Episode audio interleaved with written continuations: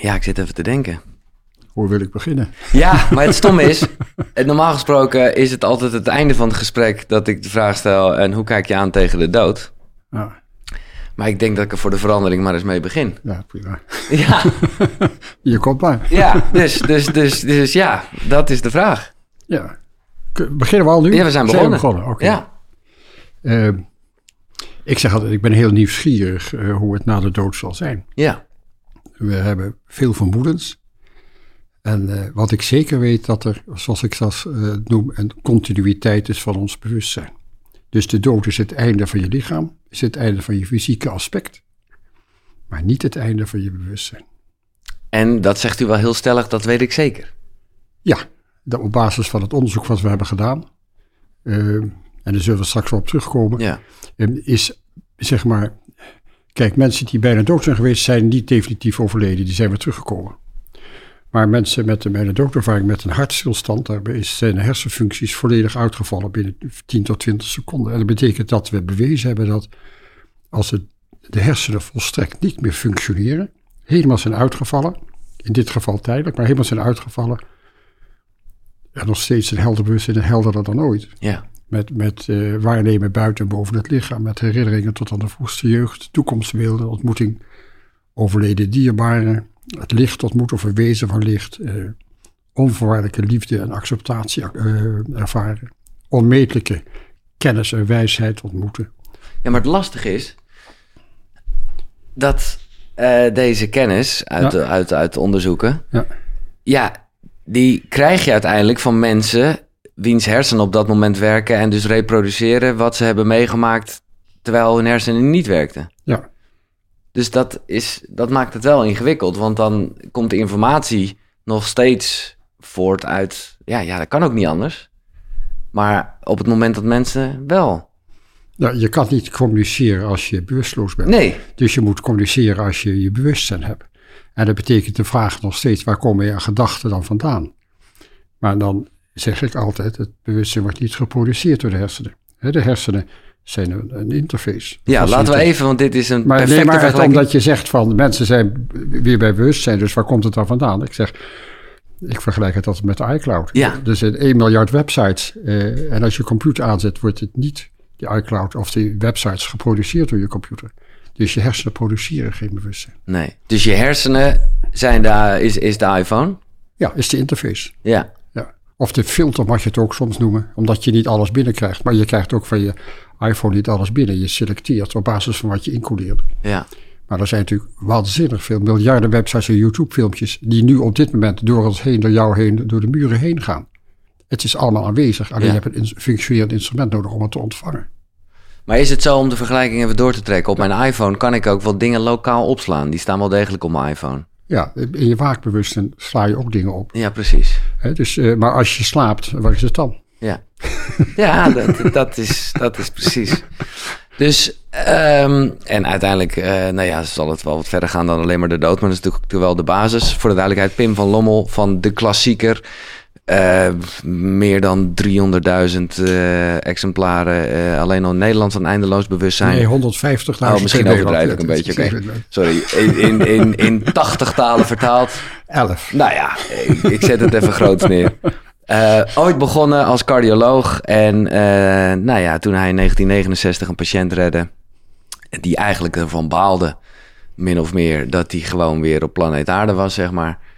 Eh, nou ja, kwam de fascinatie. Toen las hij in 1986 een boek. Nou, ik neem bijna aan dat het een van uw drie boeken is. Ja, dat wist ik wel. dat is de George Ritchie. Dat las u. En Ja. eh, toen dacht u gelijk van ja, ik moet hier iets mee. Want dit, is, dit herken ik van de verhalen. Ja, eh, ik herken het niet echt. Want ik had het in 69 ooit gehoord. Dat was toen de eerste hartbewakersafdeling in Nederland werd opgericht. Hè. Dus voor 1967 stierven alle mensen met een hartstilstand. Mhm. Dus de moderne defibrillatie en hartmassage was nog niet mogelijk. Nee. En de hartbewakersafdelingen zijn opgericht omdat die techniek er kwam. Onder andere door Nederlands onderzoek. Dus in die hartbewakersafdeling waar ik als heel jonge arts begin van mijn specialisatie werkte. eh, met een jonge man kreeg een hartstilstand en dan werd een paar keer gedefibrilleerd. En kwam weer bij na een minuut of vier. Wij waren ontzettend gelukkig en tevreden. want Het was nieuw voor ons. Ik was de dienstdoende arts. Ja, En, dat en dan kwam iemand terug. En iemand was zo teleurgesteld. dat hij weer terug was. Van, uh, hij vertelde over kleuren, over licht, over prachtig landschap, over muziek. En ik zeg altijd, ik heb er, ik heb er nooit vergeten, maar ik heb er nooit wat mee gedaan. Nee. En ik kende het hele fenomeen, bestond ook nog niet. En Raymond Moody heeft pas in 75 een boek geschreven, Love After Love, maar dat heb ik ook nooit gelezen. Dus het begon bij mij inderdaad met het boek Return from Tomorrow, terugkeer uit de dood van George Ritchie. Ja. Toen uh, bent u een onderzoek gestart, een lang onderzoek, ook uh, omdat, nou ja, gewoon u na verloop van tijd wilde weten uh, wat er nog bij was gebleven van die ervaring. Dus dat had wel meer dan tien jaar in beslag. Ja, maar het begon eigenlijk met de aanleiding van het boek van George Ritchie, hè, die vertelt dat hij als medisch student stierf, die aan een dubbele longontsteking. Er waren nog geen antibiotica voor deze medisch student, dus hij stierf, werd doodverklaard, kreeg een laken over zijn lichaam. En er was een uh, verpleegkundige zo opstandig dat deze medisch student was gestorven, dat hij de dokter wist overreden om een injectie rechtstreeks aan hart te geven met adrenaline, wat volstrekt ongebruikelijk was. Okay. Na negen minuten kwam hij terug. Hij kon zijn lichaam niet terugvinden. Dus hij was toegedekt met laak, maar hij zag een hand met een fraternity ring, dus met een, een, een, van zijn uh, sociëteit. Ja. En toen dacht hij, daar moet mijn lichaam zijn. En hij heeft een zeer uitgebreide bij de doodervaring gehad. En ik was er zo door geïnteresseerd uh, dat ik toen ben gaan vragen aan mensen uh, die in het verleden een hartstilstand hebben gehad, of zich iets konden herinneren. En toen had ik in twee jaar tijd van 50% tot 12 mensen die zo'n verhaal vertelden. Ja. En toen kwam pas mijn nieuwsgierigheid, mijn wetenschappelijke nieuwsgierigheid. Want ik had altijd geleerd dat het niet kon. Nee. En dat was de aanzet voor dat onderzoek om te kijken, konden we iets begrijpen waarom het toch gebeurt, wat de oorzaak en de inhoud van zo'n bijna doodervaring is. Wat vonden ze eigenlijk ervan dat u als cardioloog ineens die vragen ging stellen aan die mensen? Ja, uh, ik stelde altijd maar één vraag van, uh, heb je herinnering van de periode van de bewusteloosheid, van je hartstilstand? Ja. Dan zeggen ze nee, of hoezo? Ja, ja. En als het hoezo was, dan wist ik dat ik een uur kwijt was. Ja, ja, ja want dan kwamen de verhalen. dan kwamen de verhalen. Ja. En heeft u niet, toch nog even terug naar de basisvraag die ik altijd stel, hoe wij aankijken tegen de dood. Uh, ja, je zou er bijna ontzettende zin in krijgen. Weet je, um, ik denk dat uh, de bijna doodervaring is een levensles. Niet alleen een les over wat dood inhoudt. Nee. Dus het gaat veel verder dan uh, dat je alleen maar zegt van... Uh, ik ben er nu van overtuigd dat het niet ophoudt met de dood. maar dat had ik in die tijd helemaal niet. Nee. Ik had alleen maar vragen. Ik had altijd geleerd dat de dood het einde was. Op de medische faculteit, op de middelbare school... heb jij en ik ook al allebei geleerd. Tuurlijk. De dood is het einde. Ja. En dan kwam er dus een fenomeen wat niet klopte met wat we altijd hadden geleerd. Nou ja, het is op, in een zeker opzicht is het het einde van uh, je lichaam. Van je lichaam. Maar men zegt altijd het einde van alles. Ja. Dat is, er is niks meer, zeggen nee. een hoop mensen. En dat hebben we ook geleerd. Maar heeft u dan niet, hoe oud bent u nu als ik vragen mag? Ik ben net 79. 79. Dus heel jong nog. Ja, maar dat, want dat heb ik dan al bijna. Uh, dat ik denk, ja, nou ja, ik ben ook vooral nieuwsgierig wat ik hier ja. deze planeet mee maak hoor. Maar... Ja ja, de inzichten, het gelukzalige gevoel, dat, dat uh, ja, ja, ja. Heeft het nooit gekieteld? Dat, dat u dacht van, nou, ik ga gewoon experimenteren en een soort hartstilstand forceren? Nee, oh, helemaal niet. Nee, dat, okay. heeft, dat is ook zinloos. Um, kijk, de inhoud is bijna altijd heel positief. Ja. Maar het feit dat ze het hebben gehad is heel zwaar. Ja. Met een spiritueel trauma. Ja. He, dus de mensen die kunnen, op het moment dat ze erover beginnen te praten, gelooft niemand ze, de artsen helemaal niet, maar ook verpleegkundigen zijn wel wat beter. En familie en, en partner, 70% raakt een echtscheiding. Nee, precies. Ze kunnen hun verhaal niet kwijt. Het probleem is een isolement, afwijzing door anderen, nou ja, probleem met integratie, het niet kunnen onder woorden kunnen brengen, eh, moeilijkheden met gewoon, ja, eigenlijk zoals het ging in het oude leven. Dus ja, problemen met familie, zo, hoge verwachtingen. Ja, dus het is depressiviteit, Ja, eenzaamheid en heimwee. En het kan 10, 20 of 30 jaar duren tot ze eindelijk iemand spreken die kan luisteren, Mhm. zonder oordeel. ja, Eh, of dat ze een televisieprogramma zien en dan zeggen ze: God, dat heb ik ook meegemaakt, dat heeft een naam. Of ze lezen een boek wat ze aangeraden kregen en dan zeggen: Oh, het is een, ik ben niet de enige. En dan komt het proces van acceptatie op gang. En als je dat hebt gedaan, kan je dat integreren in je leven. Ja. En dat zijn processen van 20, 30, 40 jaar. ja, dan hebben we Het het over herkenning, herkenning en dan... Herkenning, precies. Ja, ja. Dus het is, laten we zeggen, de inhoud is prachtig. En ik maak, zeg altijd als een mopje, als je in India bij een doodervaring eh, krijgt, dan hoor je er iedereen gefeliciteerd. Ja, Maar in het Westen word je afgedaan als onzin en hallucinatie en het kan niet en eh, bijwerking medicijnen. nee. Nee, nee, kijk, dat is, eh, hè, als we het hebben over een heruittreding, want zo noemen we het dan, dan denk ik een beetje. Toch? Mag ik, mag ik het zo... eh, definiëren?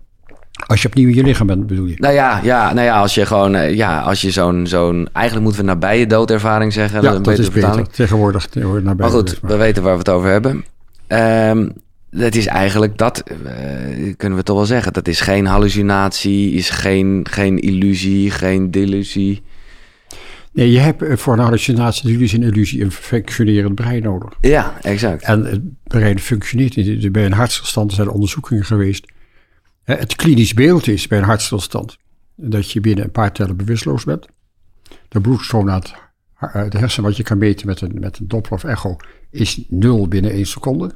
Gaat geen bloed meer naar de hersenen. Eh, de lichaamsreflexen vallen uit. Dat is een functie van de hersenschors. De hersenstamreflexen vallen uit. Dus de gagreflex, een vinger in iemands keel steken.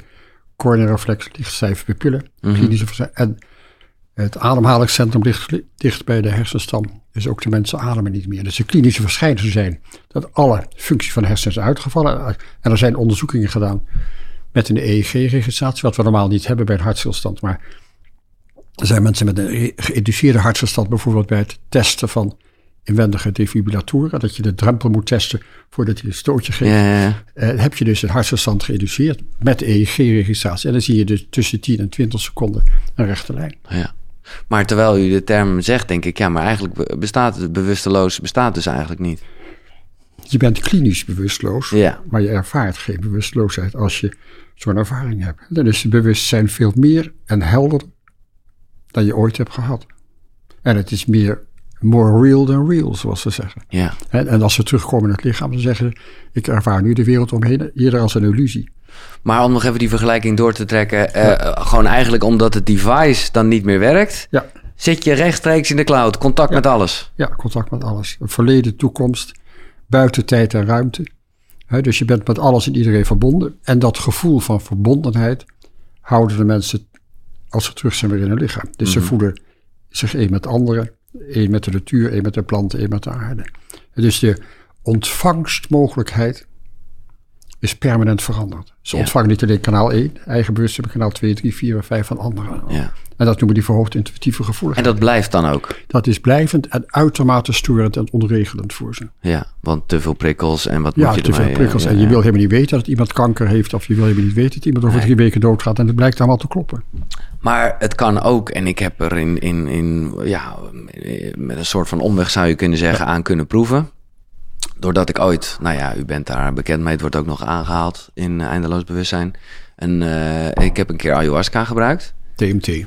Ja, exact. Ja. En eh, nou ja, en ik vind het soms moeilijk om er weer terug te gaan, maar het voelde voor mezelf wel heel erg als het gaat over dat eenheidsbewustzijn. Ja.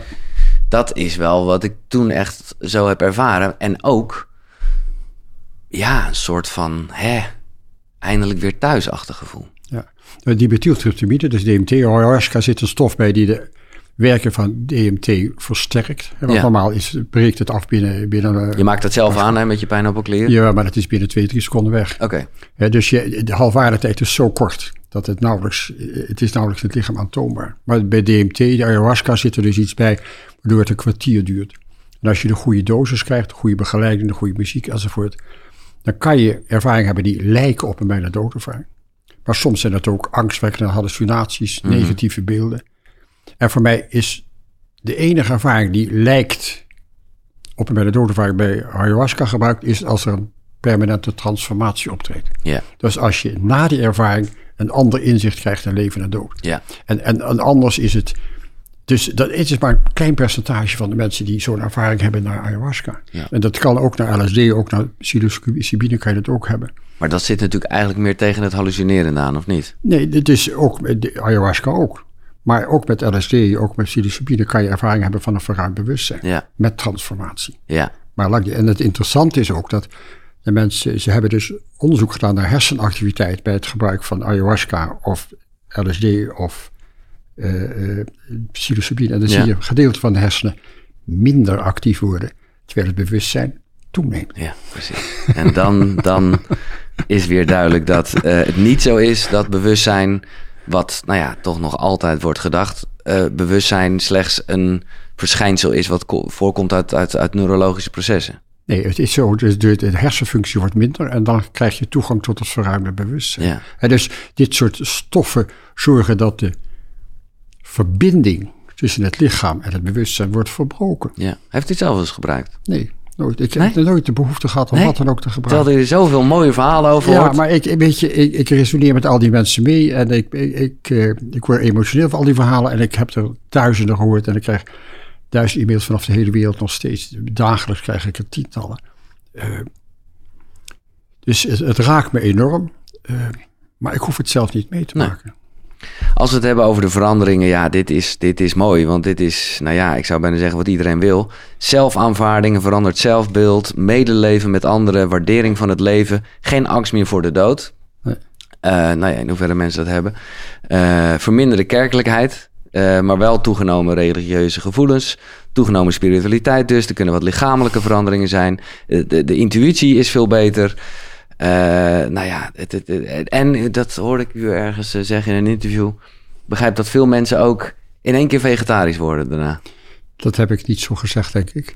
Maar ik denk wel dat de mensen bewuster gaan eten Nou ja, en bewuster gaan beetje- leven. En ja. dat betekent ook dat het, doden van dieren zit niet in hun prioriteit meer. Nee. Om te kunnen leven heb je geen dood vlees nodig, geen, geen dode dieren.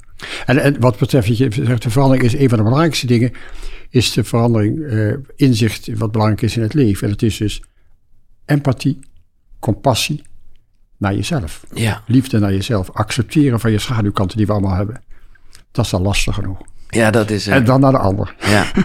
Maar is het zo, hebben we die ervaring nodig om tot die transformatie te komen? Nee, dat denk ik niet. Als je erin verdiept. eh, Ken Ring, een hoogleraar op psychologie die ook verschillende boeken heeft geschreven over bijna doodervaring, gaf een semester als een psychologiestudenten over bijna doodervaringen. Of de Ja, ja. dat doet er niks toe. En het begin van het semester moesten ze een hele vragenlijst invullen. Nou, dan kregen ze boeken te lezen, spraken met mensen met bijna doodervaringen, moesten een scriptie schrijven. En na drie maanden kwam er weer zo'n enquête, ze waren allemaal veranderd. Ja. Dus op het moment dat je erin verdiept, erin Dat leest, is- de verhalen hoort, eh, dan kan het haast niet anders dat je zegt. Maar natuurlijk zijn er wel sceptici op die bunkers die blijven zeggen dat het onzin is. Maar Mhm. in principe, als je je openstelt, Ja.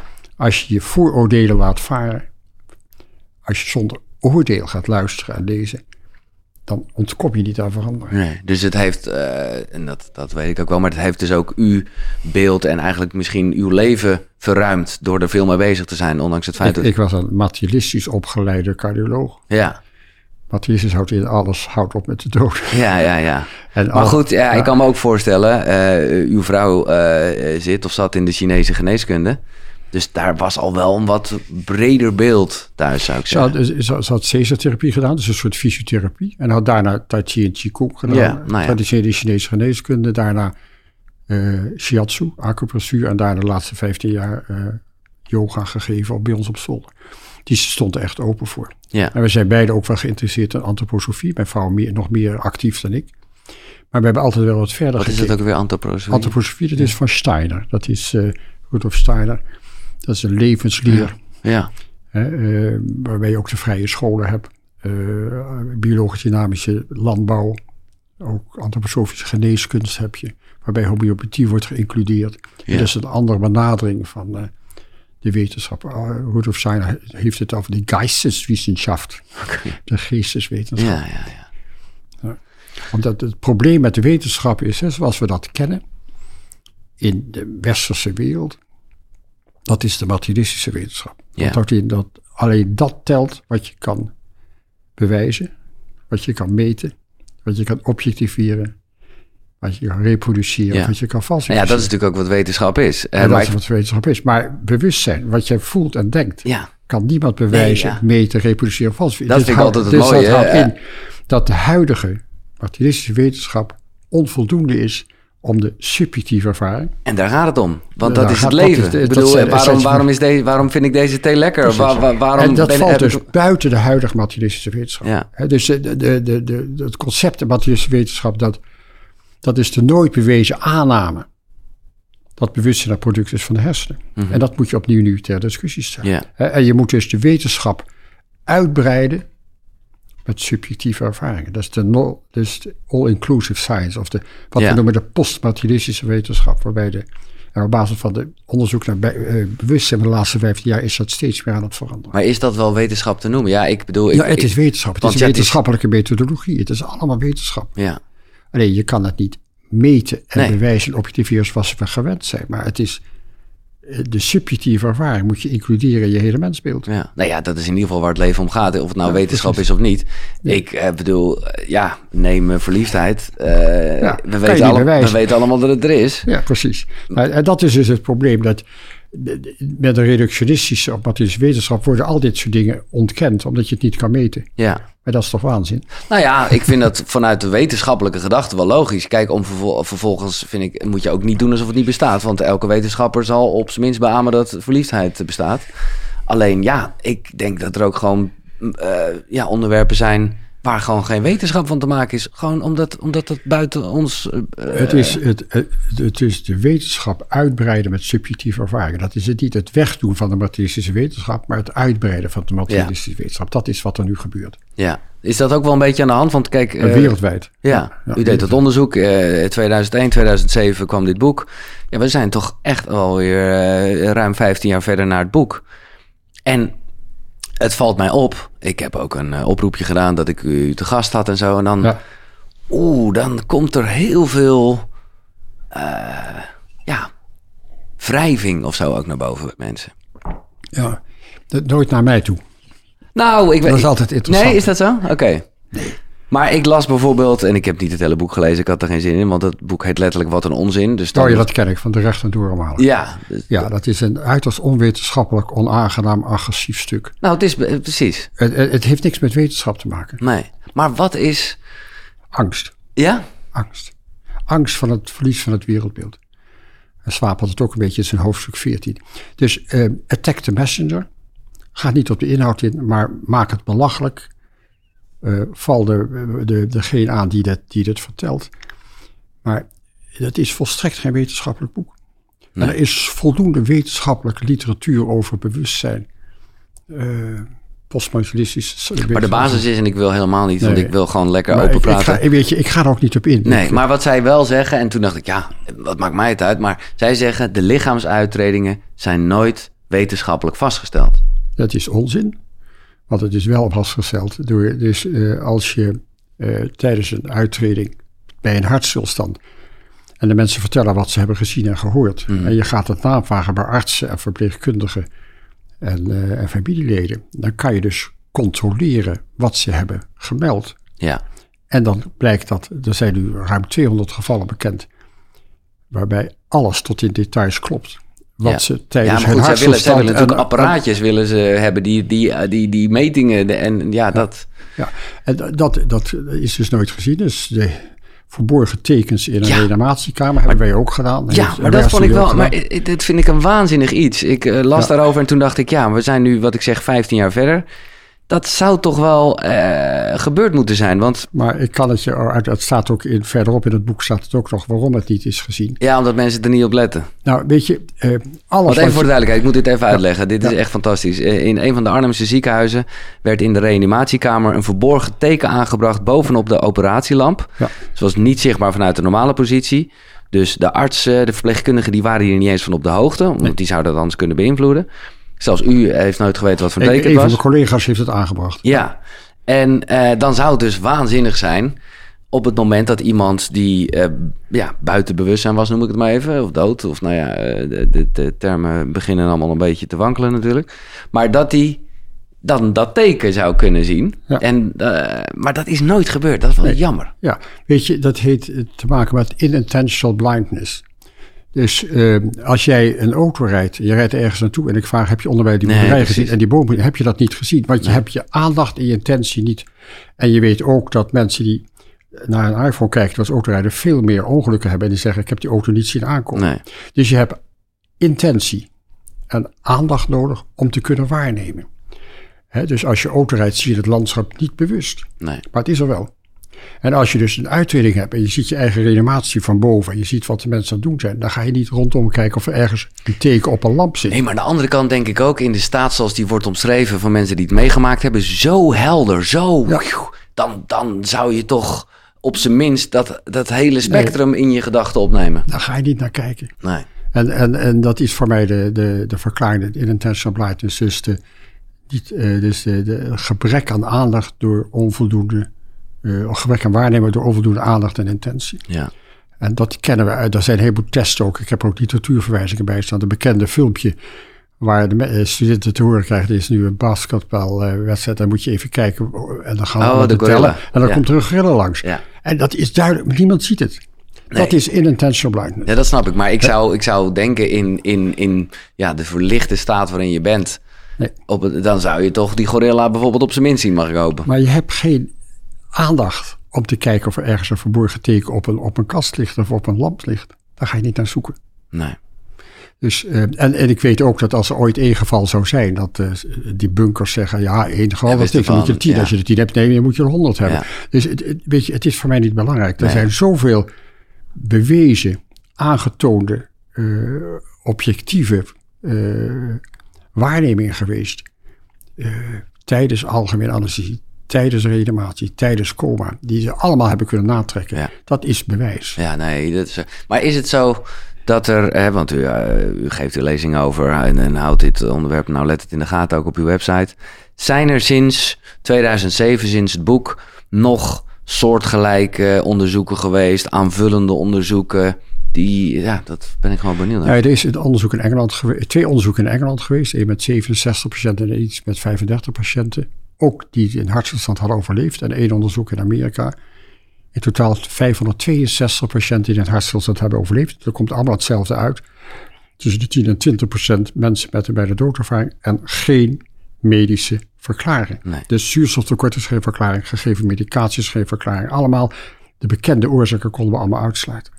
Dus in vier onderzoeken is het aangetoond dat het klopt dat het zeg maar een mysterie is waarom sommige mensen het wel en de meeste mensen het niet hebben. Ik kan Ja. er wel over speculeren, Ja, maar eh, in principe volgens de medische maatstaven is er geen oorzaak. En we weten ook dat een hoop mensen dit soort ervaringen kunnen hebben bij ernstige depressie, existentiële crisis, meditatie. Er is Nou, ook, geen wil- sprake, ook geen sprake van nee, zuurstoftekort. nou ja, dat, dus da- dat daar is ook een bewijs dat, dat je geen zuurstoftekort nodig hebt Nee. om het te ervaren. Maar oké, twee dingen hierover. Eh, om te beginnen, eh, u zegt speculeren, ik snap dat dat het is. Eh, maar wat zou de verklaring zijn dat mensen met exact dezelfde eh, hartstilstand, dat de ene het wel heeft en de andere niet? Nou, we, we hebben dus geen oorzaak kunnen aantonen, maar we kunnen wel gaan speculeren. En we zien dus ook in ons, ons onderzoek wat we hebben gedaan, de gemiddelde leeftijd was 62 jaar, dat de mensen onder de 60 jaar vaker een bijna doodervaring hadden. Mensen die in hun jeugd bijna doodervaring hadden, hadden gehad, hadden vaker een bijna doodervaring. Het is ook bekend met vrouwen met seksueel misbruik die vaak in lichaam uitgaan, ook als volwassenen vaker een bijna doodervaring hebben. Weet je, er is één onderzoek, prospectieve studie bij kinderen gedaan onder de vijf jaar. Dat had 70% bij de doodervaring. En retrospectieve studies met mensen met auto-ongelukken en dat soort dingen, met coma, 30 tot 40%. Dus hoe jonger, hoe hoger het percentage bij de doodervaring is. En mijn speculatie is dus dat je, hoe ouder je wordt, de band tussen je lichaam en je bewustzijn steeds strakker is geworden. Want Ja, ja, iedereen heeft een doodservaring. Ja. Maar niet binnen die drie, vier minuten dat je wordt gereanimeerd. Nee. Misschien hebben sommige mensen wel een half uur of een uur nodig om eruit te gaan. Ja, ja. En dat is voor mij, want een, een- doodservaring hebben ze allemaal. Dat weten we van eh postmortale ervaringen. In het Engels after-death communication. Hè, de 2 miljoen mensen in Nederland hebben contact gehad met het bewustzijn van overleden dierbaren. En 125 miljoen mensen in Europa. Dat betekent dat het bewustzijn nog steeds ergens is. Dus veel meer mensen. In, in Nederland zijn dan 600.000 mensen met zo'n nabije doodervaring. ja. Maar, maar eh, zoveel meer mensen hebben contact met het bewustzijn van overleden dierbaren. Dus iedereen heeft een doodservaring. Mhm. Maar je kan het niet altijd aandoen als je binnen een paar minuten wordt gereanimeerd. Nee. Op oudere leeftijd. ja, want dan ben je er ook te veel mee. En een jong kind, jong kind Staat open voor alles, ja. Ik bedoel, die kanalen zijn veel, die band tussen ja. bewustzijn en het lichaam is veel losser nog. ja. Dus dat is een speculatie, dat kan je niet bewijzen. Nee, maar nee, maar dat op basis van de gegevens. Maar het mooie wordt, en u noemde het eh, net al eventjes, kijk, eh, wanneer kan zo'n eh, eh, ervaring optreden, zo'n nabije doodervaring? Nou, hartstilstand is genoemd, coma en alle soorten maten, narcose, verdrinking. ja, elektro, hoe heet het, geëlectrocuteerd worden. Ja, dat is blikseminslag. Ja. Verschillende flash change in a flash heb ik onlangs weer die vrouw ontmoet. Hè? Die is hier er bijna dood ervaring kreeg. Hele hoge koord zou kunnen. En nu komen we bij, en dit is wat interessanter, want dan komen we namelijk bij eh, de omstandigheden waarbij de hersenfuncties niet aangetast worden. Dus dat kan zijn met hoge koorts, bij isolatie. Ja. Hè, dus echt mensen op een schip of uh, nee, die gewoon ergens op een verlaten eiland zitten. Mitchell en Glenn hadden het in een capsule. Dus astronaut ook. Mitchell, eh, de Lindbergh had het toen hij de oceaan overvloog. Oké. Hè, dan hebben ze ook een verruimd bewustzijn ervaren. Eh, bij depressie noemde u al. Ehm, maar kijk, en nu komen we bij de laatste punten. En dan denk je, ja, word ik gewoon... Nou, niet hebberig, hoe zeg je dat? dat, dat eh, nieuwsgierig. Dat je denkt, ja, bij meditatie. Ja. Of een wandeling in de natuur. Ja, zonder aanleiding. Ja. Gebeurt ook. Ja, Deze lichtervaring. Ja. maar is dit iets... Ja, ik bedoel... Hoe, eh, ja hoe, hoe gaat dat dan bij meditatie? En ergens voel ik het in het klein misschien wel. Maar bij meditatie eh, kan je dus eh, ook je lichaam verlaten en in dat verruimd bewustzijn komen. Ja. Dus een Marjorie Woolacott is een neurowetenschapper in, in Amerika die een prachtig boek heeft geschreven. Die ging voor de eerste keer mediteren en onder goede begeleiding ging ze meteen bam zo dat lichaam uit. En het zette haar hele eh, wereld op zo'n kop, want zij was een neurowetenschapper en met collega's kon ze dit niet bespreken. Nee, nee, nee. En ze heeft dus een prachtig boek er ook over geschreven. Eh, ze is nu heel actief ook in het postmaterialistische eh, wetenschap. Dus het, als je als terughoudende wetenschapper met materialistische opleiding, hebben Alexander is ook zoiets, Martin Woolacott ook, en je maakt zelf een ervaring mee, dan kom je er niet onderuit om te zeggen, het is niet zoals ik altijd heb geleerd en gedacht. Nee, dat is eh, mooi. Eh, maar goed, het is niet. eh, wa- wat ik me afvraag, eh, mediteert u zelf? Niet dat ik ga zitten, dat kan echt niet. Kan mijn vrouw wel een beetje, maar ik niet. Maar ik ga elke dag minstens een uur in de natuur lopen. Ja, ja, op die in de manier. stilte. En we hebben een grote tuin en we zijn daar lekker bezig, horen de vogeltjes. En we hebben stilte in huis. We hebben eigenlijk nooit muziek in huis. Dan zijn we echt bewust gaan luisteren. Maar het is stil in huis, stil in de tuin. Ja. Maar zijn dat dingen die veranderd zijn op basis van uw onderzoek en, ik en denk uw dat kennis? ik meer tijd gun aan mezelf om Ja. stilte en natuur te doen. Ik ben dagelijks wandelen en fietsen in de natuur. En we wonen natuurlijk 200 meter van het Nationaal Park Veluwezoom. Dus eh, we zitten ja, mooi daar. Ja, heerlijk. En nog de IJsselvallei ook. Dus het is... eh, Nou, misschien is dit de vraag. Ik heb drie klassiekers die altijd terugkomen in een gesprek. We zijn Ja. al begonnen met eh, de dood. De boeken ga ik zeker nog spreken. Maar ik heb ook altijd de vraag: wat is uw ochtendroutine? Of ik vind ochtendritueel altijd mooier klinken. ja. Heeft u dat? Ja, dat is eerst een kwartier soort yoga-oefeningen voor mijn rug. Eh, dus Ja. yoga-oefeningen doen. En dan, eh, en dan een lekker gezond ontbijt. Ja. Ja, nou ja. En dan vaak gewoon weer aan het werk. Ja, nee, precies. Ik En dan ergens op de dag wel wandelen, begrijp ik.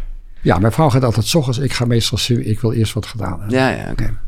Of we gaan samen fietsen. Kijk, ik vind het leuk dat u yoga noemt en ik ken dat ook heel erg. En het is, eh, ik heb dat ook echt nodig om contact even met mijn lichaam te maken. Ja. Terwijl ik uw boek aan het lezen was, ja, dit is een, en ik wil helemaal niet, eh, ja, dat is tegenwoordig zo'n uitdrukking van, don't, eh, dat het allemaal om mij gaat. Maar ik herkende wel, En je ra- het, wordt je, het raakt dus blijkbaar. ja, het raakt iets. En dan vraag je altijd af, waarom wordt, het, word Ja. ik zo geraakt? Dus ik heb mijn moeder, ik zal het appje erbij pakken. Ehm, ja, ik heb gewoon, ik zit het nu, ik ben meestal niet zo van de lange appjes. Eh, dus ik heb mijn moeder, ik ben een boek aan het lezen over bijna doodervaringen. Ik ken veel. Kan het zijn dat ik vroeger als kind zoiets meegemaakt heb? Nou kwam mijn moeder met een heel verhaal. Ja, ja, ja, je hebt wel als baby in het ziekenhuis gelegen met eh, wat ze toen bronchitis noemden, maar dat was het dus niet. Het was nadat je helemaal slap was en dus geen adem meer kreeg en de dokter je acuut naar het ziekenhuis waar je in een apart kamertje lag stuurde. Niemand mocht er verder bij. Dat heeft denk ik een paar dagen geduurd en toen werd je naar een andere box geplaatst. Staat dan wel iets over in je babyboek. Nou, dat laatste heb ik nog even niet bekeken. Was jij als jongeling eh, verhoogd intuïtief? Ja, ik wil er altijd verre van blijven. Nee, dat vraag ik niet. Eh, Voelde je dingen aan? Kijk, wat het klassieke verhaal is hoofdstuk 5 in mijn boek. Kinderen die op jeugdige of bij gecompliceerde geboorte of heel jong bij de doodervaring hebben gehad, die herinneren de ervaring meestal niet, maar er zijn uitzonderingen. En ze hebben allemaal de transformatie. En een van de Ja. aspecten is dat zij zich vaak terugtrekken. Dus anderen zien, kinderen zien spelen, maar zelf de stilte opzoeken, klassieke muziek opzoeken, de natuur opzoeken, niet tegen lawaai kunnen, eh, eh, en in eh 16, 18 jaar vaak ook depressief kunnen zijn. Ja. Tot suicidaal soms toe. En dat is vaak het gevolg van dat verruimde bewustzijn wat diep in hun zit. En waar ze dus ook voortdurend dingen aanvoelen die ze niet willen weten. Hmm. Dus dat is meestal het klassieke verhaal. Ja.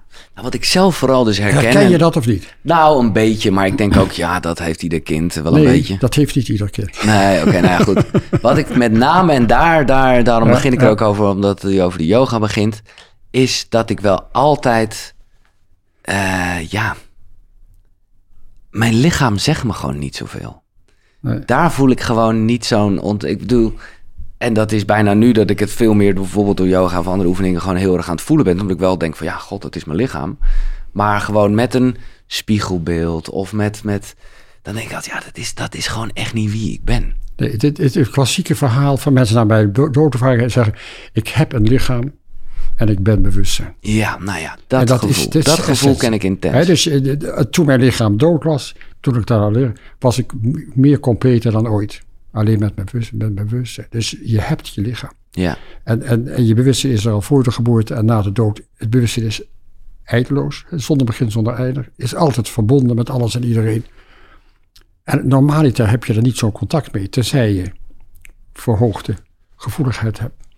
Eh, en nogmaals, ik ben helemaal niet verbaasd gezien je interesse dat je als kind dat zou kunnen hebben gehad. nee, ja, ik weet het ook niet. Nee, maar het, het zou kunnen. Ja. Dus, eh, Nee, ja, ja, het is wel interessant dat je moeder dit schreef. vond ik ook. En de vraag die je stelde. Ja, ja, Ja. ja. Nou ja, eh, en, en dus, maar ik weet dus niet, ik, maar voor mijn gevoel heeft iedereen dat, maar dat kan Nee, ik dus is niet. niet zo. Nee, maar bijvoorbeeld met zo'n, wat ik al eerder schreef over mijn ayahuasca-ervaring, dat heel erg, oh, eh, ja, dat, dat we zijn weer even thuis gevoel, weet je? Ja, maar dat is waarschijnlijk omdat je bij de doodwaring als kind hebt gehad, dat je zo makkelijk in dat verruimd bewustzijn kwam. Want de grote meerderheid heeft niet, niet die ervaring die jij hebt gehad met de ayahuasca. Nee. Dus je bent er makkelijker uit, omdat je als kind, als baby er al uit bent geweest. Daar, Dat is mijn interpretatie. ja. Nou, Je hoeft het niet te geloven. Nee, nee, nee, nee, nee. ik geloof alles en ik geloof ook vooral niks. Of zeg je dat? Nee, ja. Kijk, nogmaals, de, de- het stukje wetenschap hebben we wel eh, afgesloten. Ik vind het heel mooi eh, wat u erover schrijft. Wetenschap is vragen stellen met open geest Ja. en het loslaten van oude concepten en ideeën. En er wordt ergens ook een quote aangehaald die mij heel erg raakt ook. Wie nooit van mening verandert, heeft zelden iets geleerd. Ja. En eh, Maar dat is het probleem met de huidige materialistische wetenschap. Ook die, dat boekje wat je net citeerde. eh, die mensen zitten vast in een dogma. ja, Een dogma is een geloofssysteem. Wetenschap is geen geloofssysteem. Wetenschap is vragen stellen. Dus je moet je concept altijd opnieuw beredeneren en afvragen of het zo klopt. Dus, dus wat er nu bezig is, is echt een paradigm shift. hè, Dus een paradigmaverschuiving. ja, Dat, dat we weten dat het bewustzijn niet een product is van de hersenen. En dat heeft een gigantische consequentie voor de manier waarop we in ons leven staan. Ik laat nog even, want u, voor u is het gesneden koeken en voor mij Nee, inmiddels... vraag maar als je Nee, moet nee, nee, maar vragen. het gaat nog gewoon eventjes om, Ja. om nog even één Heel keer goed. te benadrukken Heel dat goed. het bewustzijn dus niet een product is van de hersenen. Nee. En dat je misschien wel, of misschien wel, dat, dat blijkt uit die onderzoeken, een, een helderder bewustzijn hebt op, op het moment dat je hersenen niet meer werken. En veel meer herinneringen tot aan de vroegste jeugd. Dat je verbonden bent met het bewustzijn van anderen in het verleden. Ik bedoel, als je je zusje van vijf het speelgoed hebt afgenomen, dan voel je het verdriet van je zusje. Dus Ja. je herleeft je hele leven. Ja. Met contact met het bewustzijn van anderen ook. Maar wat, ik zit even te kijken of ik hem hier zie staan. eh, dan maakt, eh, ja, nogmaals, ik wil helemaal niet zien, wel eens niet. Dus, maar als ik, ah ja, ik zie hem daar staan, Dick Swaap. Ja, Wij zijn ons brein. hoofdstuk 14. Oh, dat weet ik niet. Ja, Wat is er in hoofdstuk 14 dan? dat scheldt hij mij uit. Nee, echt waar? Ja, ja. Oh, wacht even, dan pak ik hem er even bij. Dat hoeft helemaal niet. Nee, dat Het is volledig onbelangrijk. Weet je, het, ik, eh, ik, ik accepteer mensen met een andere mening. En ik zeg altijd, ik stuur ze wat liefde toe als ze wel erg aanvallen. Het, ze hebben een probleem en ik niet. Ik citeer altijd Paul Citroen. Ken je die kunstenaar, Paul Citroen? Nee, nee, nee. Nou, dat is een hele bekende kunstenaar, tekenaar. Die had een tentoonstelling in Zwolle in het, in het eh, museum. En die had een grote tekst hangen. Ik luister altijd met de grootste belangstelling naar kritiek op mijn werk. Zo leer ik de mensen kennen. Ja. En daar gaat het om. Dus mensen mooi. die mij zo aanvallen, daar leer ik, die leer ik zo kennen. Oh nee, ik zit het inderdaad. eh, de- de- de- ja. Het doet er niks toe. De buitenissige hypothese van Van Lommel is totaal onwetenschappelijk. Terwijl voor ieder aspect van BDE een goede verklaring vanuit het hersenonderzoek is. Nou ja, goed. Het, wordt allemaal ook te technisch. Nee, maar, maar goed, voor de rest, laat ik het zo zeggen, dat wilde ik eigenlijk, daarom haal ik het boek aan. Ja. Ik, ik ehm, los van het feit dat ik heus wel voel dat er veel meer is dan dat, uh, dat, dat dingetje in ons hoofd, ik maar zeggen. Lees ik een hoop dingen waarbij ik denk, ja, oh, dat is fijn om te weten. Dat geeft me wel inzicht. Uh, het, is, niet, bedoel, het is niet allemaal totale onzin wat hij schrijft in de, in de rest van het boek dan, toch? Nee, de samenvatting, wij zijn ons brein. Dat, klopt dat, is, dat is juist precies en, wat we niet zijn. En ontkent de vrije wil. Ja. En die is er ook. Dus, en dat is wetenschappelijk, wereldwijd wordt dat steeds meer gewoon ook gezegd. Er is natuurlijk wel vrije wil. Uh, althans hier op aarde. Oké, okay, nou wordt die mooi. nou ja, als je toekomstbeelden kan hebben. Uh, dus uh, voorspellende dromen, die kunnen we allemaal hebben, maar Ja. na, bij de doodervaring vaak veel meer. Flash forward tijdens en bij de doodervaring, dat je toekomstbeelden ziet, ook over je persoonlijk leven of wat er in de wereld gaat gebeuren. En dan gebeurt dat op een moment als een déjà vu. God, dit heb ik uh, Mhm. eerder meegemaakt.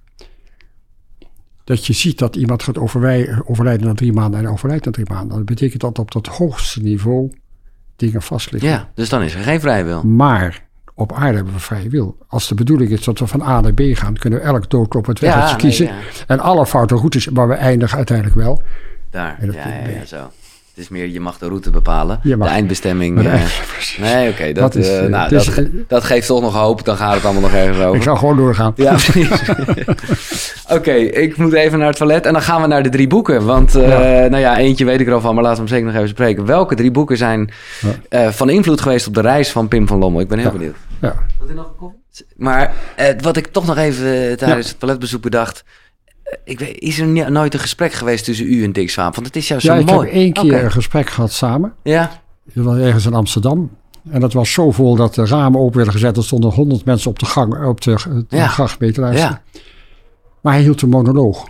Ja, ja, dat was geen hij was gesprek. volstrekt geen dialoog mogelijk. Dus hij bleef zijn eigen mening zeggen. Hij luisterde niet naar wat ik zei. Nee, dus ik heb gezegd, ik doe dat nooit meer. Dit is zinloos. Hmm. Het heeft mensen die volledig ont... En hij heeft een lezing ooit gehouden die op internet staat. Dan begint hij de eerste zeven minuten over mij te praten, over de onzin. Heeft Ja. hij mij nodig om naar zijn eigen ding te komen. Ja, Hij mag het allemaal zeggen, voor mij. Maar wetenschap is wat je zei, vragen stellen de open geest en het luisteren naar anderen. ja.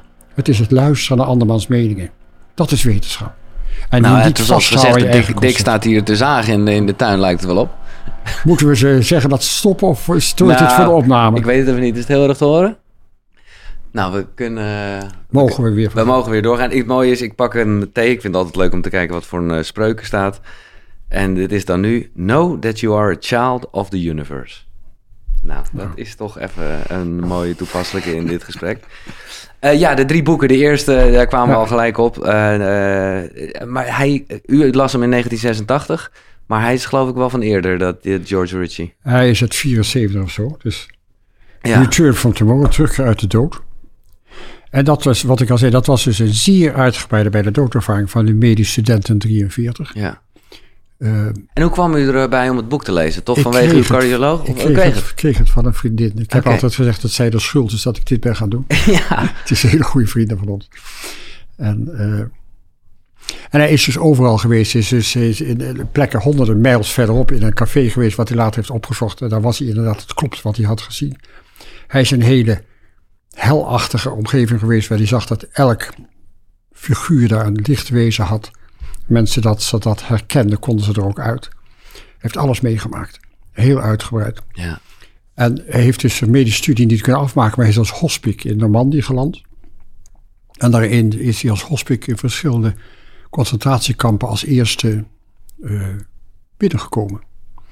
En hij kwam in Polen in een concentratiekamp en er was een Poolse man bezig om mensen, ja, iedereen was geschoold. Gedurende zijn ervaring hebben we het over, hè? Nee, Oh, oké, na zijn ervaring Oké, ja, ja, is hij als hospic gaan helpen. Ja, ja, oh, dat is hij gaan doen. Ja, dus zijn rol was toch mensen helpen.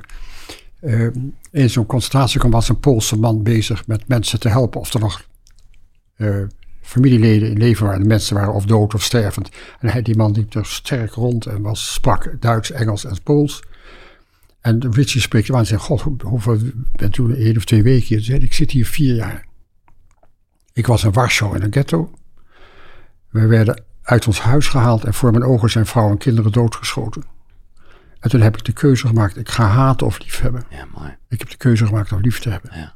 En met die liefdeskracht heeft hij dus vier jaar lang in dat concentratiekamp mensen geholpen. En die zag er als gezond uit. Ja. Ik krijg altijd kipvel als Ja, ik vind vertel. het ook eh. En, en dat, is, dat was volgens mij ook zo indrukwekkend. eh, dat je met die liefdeskracht die mensen dus ook voelen na een bijna doodervaring.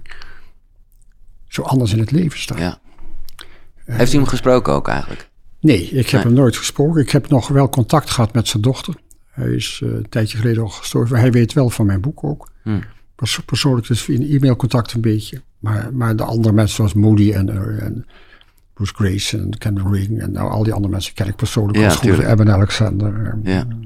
Mary McNeil en zo, Mary Neal. Ik ken dus al die mensen. Maar dit was voor mij de aanleiding om te gaan vragen. Toen kwam dit eerste verhaal uit 69 weer boven. Want ik had nooit tijd. Je bent bezig met specialisatie, Ja. met een jong gezin, met kinderen en dat soort dingen. Eh, en toen had ik in twee jaar tijd die eh, twaalf verhalen van 50 patiënten. En dat was de aanleiding voor dat onderzoek. Voor het grote echt onderzoek, ja. Oké, dat is het eerste boek. Die kon ik, eh, die kon ik gokken. Die kon je gokken. Wat is het andere boek? Boek 2. Van Etty Hillesum. De, nage, de nagelaten geschriften van Etty. Ken je het? Nee. Echt waar niet? Nee. Een van de mooiste boeken die ooit is geschreven. Ja? Waarom? Dat, is, eh, dat is een Joodse vrouw die in de Tweede Wereldoorlog dus in, in Amsterdam woonde. Een heel innerlijk proces heeft doorgemaakt. eh, waarbij de uiterlijke omstandigheden die elke keer voor haar zwaarder werden, volledig een acceptatie opnam. En ze bleef bij zichzelf in de liefde ook naar andere mensen. Het doet me een beetje denken aan de zin van het bestaan ook. Hè, Ja, het is Frank. onconventioneel zoals ze leeft in die tijd. Ehm, maar ze heeft dus dat hele innerlijke proces heeft ze opgeschreven. En ze is uiteindelijk ook naar, naar eh, hoe heet het, eh Westerbork gestuurd. Daar heeft ze ook nog mensen geholpen. Voordat ze op eh Ja, aan ja. Werd ge- En wanneer las u dit?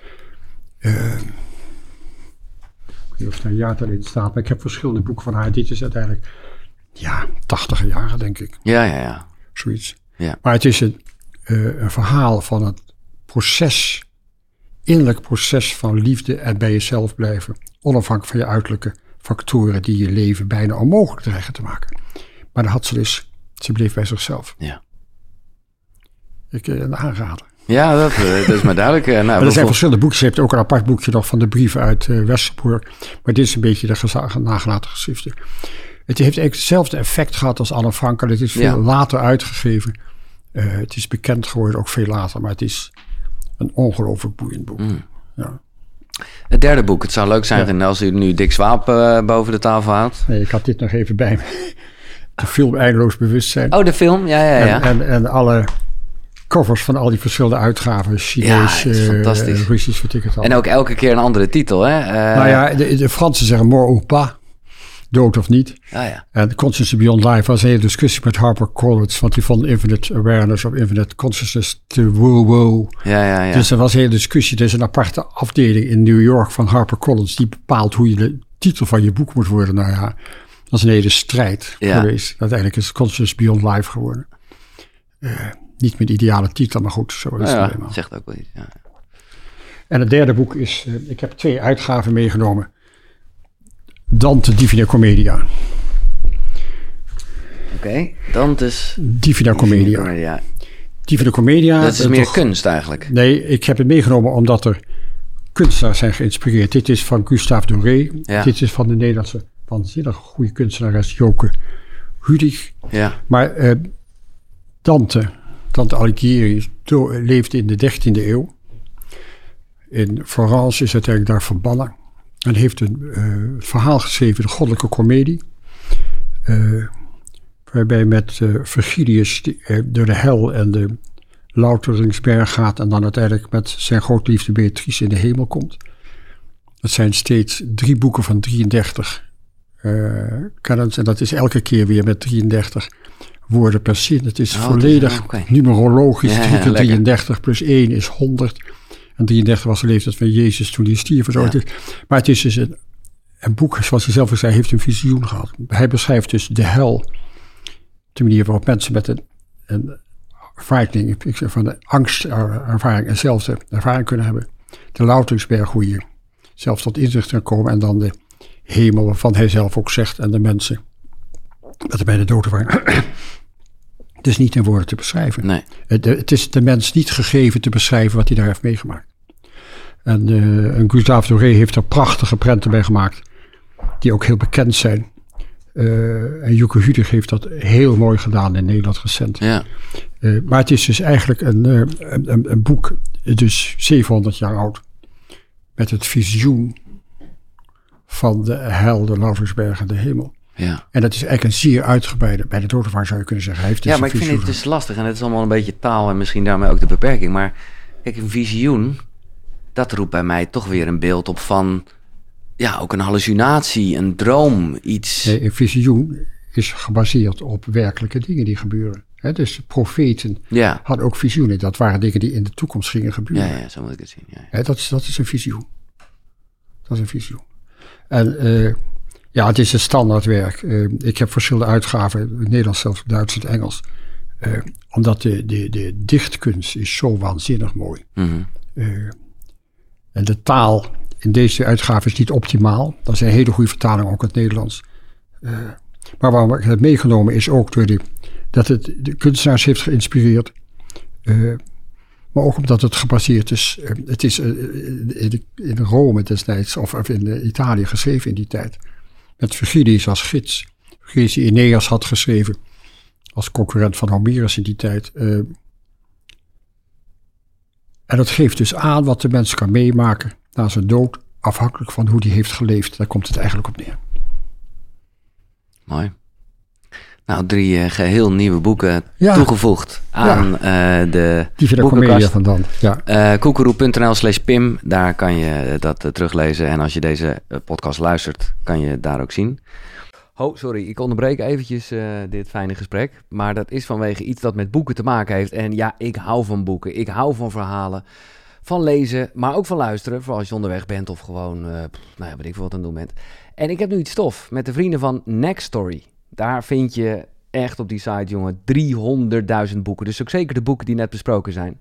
En ik mag je nu, en dat is echt wel een toffe actie, 50 dagen gratis aanbieden. Ja, die gasten die geloven gewoon wel uh, in zichzelf. Dus die denken, oké, dan hebben we ze. Maar dat kan je echt even checken. Uh, ga naar koekeroe.nl slash boekenkast. Daar vind je sowieso alle boeken die besproken zijn uh, nou ja, in de afgelopen afleveringen. En daar vind je dus ook een link. En via die link kan je 50 dagen gratis Nextory gebruiken. Check het, koekeroe.nl slash boekenkast. Ik wil even um, naar, naar ja, gewoon wat, ja, wat bewustzijn eigenlijk is. Hè?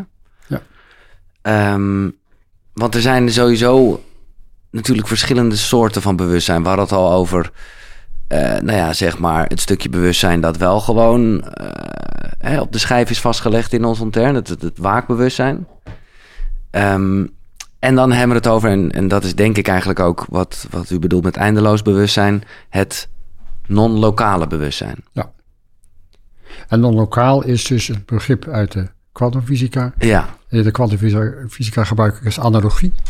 En niet als, ja, verklaar, niet nee. als verklaringsmodel. Nee, het is echt als een ver vergelijking. Als een vergelijking. En non-lokaal bewustzijn houdt in dat je alles tegelijkertijd meemaakt. Buiten tijd en ruimte om. En toekomst en verleden is aanwezig. Dus als je een levensterugblik hebt en je denkt aan iets of iemand, dan ben je daar. Ben je in contact met die ander. Toekomstbeelden ook. Sommige mensen hebben meegemaakt Mhm. dat ze gaan trouwen en twee kinderen krijgen. En op een gegeven moment zien, zien ze zichzelf zitten en zeggen: Dit is beeld, precies het beeld wat ik Ja. bij mijn bijna doodervaring als achtjarig kind heb gezien. Hè? Ja. Dus alles ligt daar in één keer klaar. Je kan uren tot dagen praten over bijna doodervaring terwijl je bewusteloos twee minuten, drie minuten heeft geduurd. Dus alles is aanwezig. Het is niet in woorden te vatten. De woordkeuze wordt bepaald door je achtergrond. Dus een kind zal het anders verwoorden dan een volwassene. En een christen anders dan een atheïst of een Ja. moslim Ja. of boeddhist. Eh, maar dit soort ervaringen zijn in de hele mensgeschiedenis gemeld. Dus Plato heeft de soldaat R geschreven. Dat was een soldaat die op een eh, stapel lijken lag. En eh, tien dagen na de veldslag zouden ze zich gaan begraven. En dan zagen we wat bewegen. En de soldaat R vertelde waar hij was geweest. Het is een identiek verhaal. Als de Met andere benamingen, maar het is, het is zo en Plato als, schreef eh, ook al, ja. de, de, de, de, lichaam is de tijdelijke drager van de ziel die blijft, schrijft Plato. Dus het is in alle tijden en culturen geweest. Ja. Als je de Upanishads en de Vedas leest van het Hindoeïsme, exact hetzelfde. Ja. En waarom zegt u zo echt specifiek, het is een analogie? En, en, want het is toch, eh, het past toch helemaal in het plaatje van de kwantumfysica? Nee, voor sommigen eh, helemaal niet. Het belangrijkste, eh, denk ik, wat eh, voor de kwantumfysica geldt, is dat er een stroming is. Waarbij bewustzijn een belangrijke rol speelt.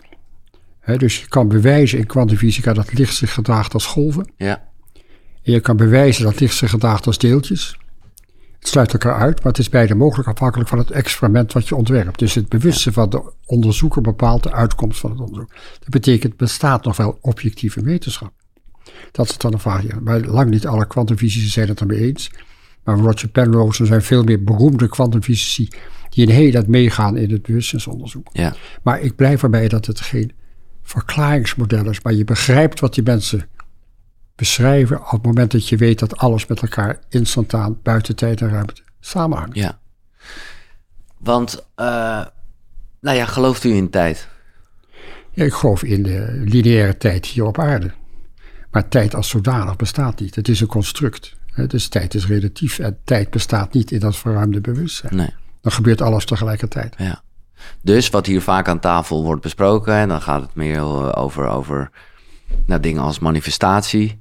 Hè, en, en hoe je dus echt iets uit het kwantumveld zou kunnen halen door in ieder geval op te focussen. Eh, ja, strookt dat met uw eigen ge- gedachten ook? Naar aanleiding van de verhalen van. eh, Nou ja, weet je, als je, als je afvraagt, waar zit de elektron om de kern in een cel? Dat is een wolk. ja, nou, nu, oké, we gaan toch even de wetenschappelijke. Ja, en dan kan je zeggen, ik wil de locatie weten. Ja, Dan zie je die elektron daar hangen, maar dan weet je nog niet de snelheid. Of je kan de snelheid meten, dan weet je de locatie niet. En, dus, en als je het niet waarneemt, is het een wolk. ja, Dus de waarneming bepaalt de locatie of de snelheid, afhankelijk van wat je wil weten. Dus het bewustzijn blijft een rol spelen bij wat je waarneemt. ja. Maar hoe, en nu wordt het misschien allemaal te vaag hoor, maar ik vind het toch even leuk om. eh, Alles vragen. Ja, oké. Teleportatie. Ja, Want daar, dat bedoel, op het moment dat, dat tijd Ja. en eigenlijk ruimte niet bestaat, ja. ja, dan zou dat dus mogelijk zijn. Of niet met het bewustzijn wat we hier hebben. Ja, hoe, hoe? Ik heb een heel klein stukje geschreven over teleportatie Ja. in het boek. Ik heb er geen ervaring mee. Eh, ik ben er terughoudend in om er een verklaringsmodel voor te vinden, want dat weet ik niet. Maar ik weet wel dat er testen met name in China zijn geweest, waarin het lijkt te gebeuren dat, het, dat teleportatie mogelijk is. Maar eh, ik weet er veel te weinig van en ik durf dan niet zwart op wit te beweren dat het mogelijk is. Nee. Maar het zou kunnen. Bestaat Maar- toeval? Nee, eh, Carl Gustav Jung, de bekende psycholoog, Ja. heeft ooit gezegd... Had ook, eh, heeft ook een soort bijna doodervaring gehad, toch? nee, niet een soort. Hij heeft ja. in 1943 bij een hartstilstand een klassieke bijna doodervaring gehad. Waarbij hij voor het eerst beschreef hoe de aarde er van boven uitzag, boven de Indische Oceanen. En, en India heeft hij kunnen beschrijven van boven. Dat was nooit eerder bekend geweest. Hij- maar hij, zijn moeder was helderziend, heldervoelend. Dus hij is opgegroeid met dat soort ideeën. En hij zegt toeval bestaat niet. Synchronicity, synchroniteit. Ja, Dus er is een, altijd een verband, maar we zien die band niet altijd. Maar toeval bestaat niet. Er is altijd een reden waarom iets gebeurt. ja, Alleen de, de reden waarom weten we niet altijd. nee. Maar het is synchroni- synchroniciteit, synchronicity. En dit komt een beetje terug op waar we het eerder over hadden met, met, met vrije wil. Dat natuurlijk eh, kan je er een beetje eh, nou ja, links of rechts afslaan, zoals u zei. Maar het staat al vast. Op een manier lijkt het vast te staan, ja. Dat is wat de mensen ons vertellen. Ja. Maar geeft u dat rust of onrust? Ik weet het namelijk bij mezelf, weet ik niet zo goed. ja, ik ben heel rustig. Ja. Ik word er ja. helemaal niet onrustig van, nee. Nee. nee. nee. Eh, een onderwerp dat ook vaak besproken wordt aan tafel hier, eh, dat is het ego. En, en Ja. ik ben benieuwd hoe u dat ziet. De- de- ja, is zelfidentiteit en ego, is dat hetzelfde? nee. Nee, het is niet hetzelfde. eh, ego is het onderdeel van je waakbewustzijn. Ja, Het heeft je te maken met je fysieke leven. Het heeft te maken met je prestatiedruk, je competitiedruk, eh, hoe je je wil overkomen en Ja. al dat soort dingen. en dat komt dus door al die kleine dingetjes die je echt op je eigen schijf hebt opgeslagen. Maar je zelfbewustzijn, ik noem het altijd zelfbewustzijn met een hoofdletter, dat is een veel hoger niveau. En dat is de essentie van wie je eigenlijk bent. Dus als je uit je lichaam bent, dan ben je jezelf met een hoofdletter. Dat is in principe een soort lichtwezen. Ja. En aspecten van het lichtwezen dalen waarschijnlijk af elke keer in een lichaam weer. En dan heb je weer een ego met alle. Het is een beetje het spel. Het is een beetje het spel en dan moet je dingen leren. Maar dat ego heeft te maken met je fysieke waakbewustzijn. En niet met je verruimde bewustzijn. Nee. En uh, dat, dat hogere bewustzijn of dat contact met. Ja. ja. hoe ziet u dat? En ik snap dat dit natuurlijk uh, per definitie speculeren is. Maar wat ja, wat, wat hangt daarboven? Wat, of wat is het allemaal bij elkaar? Er hangt niks boven. Het, hangt, het is altijd overal. Ja. Dat, dat, is het principe van de iCloud. Hè? Ja. Het gaat door ons heen, het zit overal. En je hebt een apparaat nodig wat functioneert om gedeelte ervan te ontvangen. En als het apparaat uitvalt, gaan ja. sommige mensen okay, komen in dat hele zeggen. veld. Tuurlijk. Ja. Maar iCloud is een goed voorbeeld. Uh, daar is namelijk gewoon Google eigenlijk de eigenaar van. Ja. Het, maar het is wel. Dus wie zit er achter de iCloud? Ja, dat is een elektromagnetische informatiegolf, hè, de iCloud. Ja. En het bewustzijn is een informatiegolf die waarschijnlijk, en dat zeggen steeds meer mensen, fundamenteel is in het universum. Dus de oorsprong van het universum komt voort uit bewustzijn en informatie en energie. Dat is een bazaal fundament van het universum. Alles wat we zien en meemaken is een gevolg van bewustzijn. Jouw lichaam, is gevormd door jouw bewustzijn. De aarde is gevormd door bewustzijn. Alles heeft een vorm van subjectiviteit, wat niet te vergelijken is met het menselijk bewustzijn. Mhm. Maar een plant heeft ook een vorm van subjectiviteit. Een dier zeker ook. Dier misschien meer groepsbewustzijn dan individueel bewustzijn. Maar alles heeft een vorm van subjectiviteit, omdat het voortkomt uit bewustzijn. Het is fundamenteel. En er zijn allemaal dure woorden van ontologisch idealisme en al dat. Doet het voor die termen doet er voor mij niet toe. Maar de oorsprong van het universum komt voort uit informatie, bewustzijn en energie. Ja. Oké, dus, dus bewustzijn en energie is wel wat anders. Het heeft met elkaar te maken. En informatie ook. Ja. Er zijn mensen die zeggen informatie is de basis van alles. Omdat het ook weer samengaat met bewustzijn. Ook samengaat met... Je kan het niet uit elkaar trekken. Nee, duidelijk. Ehm, ik wil nog even terug naar het boek. Um, want daar heb ik heel veel papiertjes in gedaan, omdat ik gewoon dingen heel interessant goed vond. Goed zitten voorbereiden. Ja, ik vind het. Maar het is ook een fascinerend onderwerp natuurlijk. Ja. Nou ja, en wat, kijk, um, wat ik een beetje, uh, nou ja, nee, niet zozeer tegen vond van. Nee, laat ik eerst, we hebben nog niet echt alle elementen benoemd nee. uh, die mensen die een ervaring hebben gehad, eigenlijk bijna allemaal hebben. Het besef dood te zijn, positieve emoties, uitredingservaring, bewegen door een tunnel, communicatie met het licht. En, en u zei er net al, het is maar net even uh, hoe je bent opgevoed, wat voor een uh, label je daarop plakt. In Oost-Duitsland werd het het licht genoemd, in West-Duitsland werd het een wezen van licht genoemd. Nou ja, dat is oké. Waarneming van kleuren, waarneming van een hemels landschap, ontmoeten van overleden vrienden en familie, levensterugblik, ja, de schouw zoals het wordt genoemd, en uh, dat, dat, dat, is wel het laagste percentage, maar ik vond hem wel fascinerend. De ervaring van een grens. Dus dat waren mensen die dan ook wel voelden van... oh, als ik nu die stap ga zetten, dan... Kom ik niet meer terug. Ja. ja en dat is vaak of een poort, of een, of een mist, of een bergketen, of een muur. En zeggen, dit is de grens, of een smal pad. Ja. Door een kloof. Als ik dit overga, dan weet ik, dan kom ik niet terug. En op dat moment horen ze vaak een stem, of van het wezen van licht, of gewoon een stem die zegt: Het is je tijd nog niet. Je hebt nog een taak te voorbereiden, je moet nog terug naar je lichaam. En dat vinden ze vreselijk om terug te komen in dat zieke lichaam. Want ze denken. Moet je je nou- voorstellen, als je na een verkeersongeluk met alles gebroken en dan zit je in dat lijf terwijl het daar zo mooi was. Ja. Uh, ander gedeelte uit het onderzoek, dat vond ik. Nou, tegenvallen vind ik een groot woord. Maar dan gaat het over de verschillen in verandering na twee en acht jaar. Ja. En dan gaat het dus over mensen met en zonder een uh, nabije doodervaring. En dan blijkt dat, uh, dat er zijn verschillende punten. Ik zal gewoon even de highlights doornemen. Dus de sociale houding verandert. Dat je gewoon, nou, we hebben het erover gehad, empathischer bent, meer begrip hebt voor andere betrokkenheid. Uh, de religieuze houding, dus veel algemener de zin van het leven en het spirituele. Hoe je tegen de dood aankijkt. En, en sowieso, uh, nou ja, de zelfkennis, betekenis van het leven. Die is na twee jaar, is dat bij de mensen die een ervaring hebben gehad, spectaculair uh, gestegen in alle de dingen die ik noem. En met de mensen die dat niet hebben, nou ja, is het vaak minder dan de helft. Dat is, uh, dat is nogal wat. Zeker als het gaat om bijvoorbeeld begrip voor anderen, om er even eentje uit te halen. Plus 36 bij de mensen met een ervaring. Plus 8 uh, bij de mensen die geen uh, bijna doodervaring hebben. Maar dan komt het na acht jaar. dan is het. Nou, dit is trouwens wel even een heel gek voorbeeld wat ik hier neem, maar dat, dat viel me zo op. Na acht jaar is het plus 73 bij de mensen met een bijna doodervaring. Maar het is plus 75. Dat is geen statistisch verschil. Nee. Nee maar daar zitten dus... Er zitten, nee, dat, dat viel me dus nou, op. Maar, dus maar ik weet niet onder welk onderwerp je hebt. Maar in principe waren er dus 13 elementen... die statistisch verschillend waren tussen de mensen... met en zonder bijna doodervaring. Ja. En als je het samenvat, is vooral geen angst meer voor de dood. Ja. Dus het zekerheid Ja, die- van een persoonlijk voortbestaan. Ja. Een ander inzicht wat belangrijk is in het leven. Verhoogde intuïtie, gevoel van samenhang met alles en iedereen. En verhoogde intuïtieve gevoeligheid. En, en de behoefte aan spiritualiteit. Ja. Dat zijn allemaal significante verschillen tussen mensen met en zonder bijna. Maar mensen die alleen een hartstilstand hebben veranderen ook. Ja, ja, zo. Maar niet, lang niet op die manier.